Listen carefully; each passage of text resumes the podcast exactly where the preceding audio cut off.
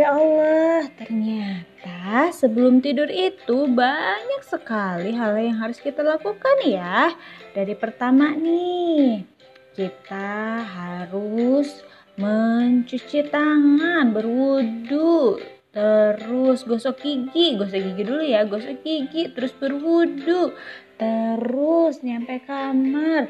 Sebelum kita tidur, ternyata harus dikibas-kibas dulu nih kasurnya. Kemudian harus menghadap kanan, membaca doa. Wah, Masya Allah banyak ya urutannya.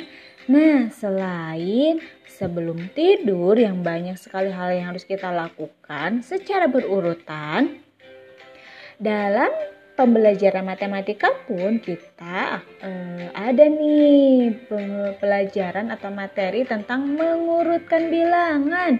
Sama seperti tadi kegiatan kita sebelum tidur harus berurutan ya dari mulai gosok gigi sampai kita tidur.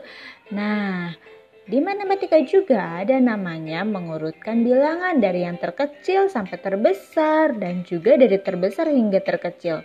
Penasaran seperti apa sih caranya atau seperti apa sih materinya? Yuk kita simak video Jimit dari kelas Argon dan Senan berikut ini ya. Semangat soleh-soleha!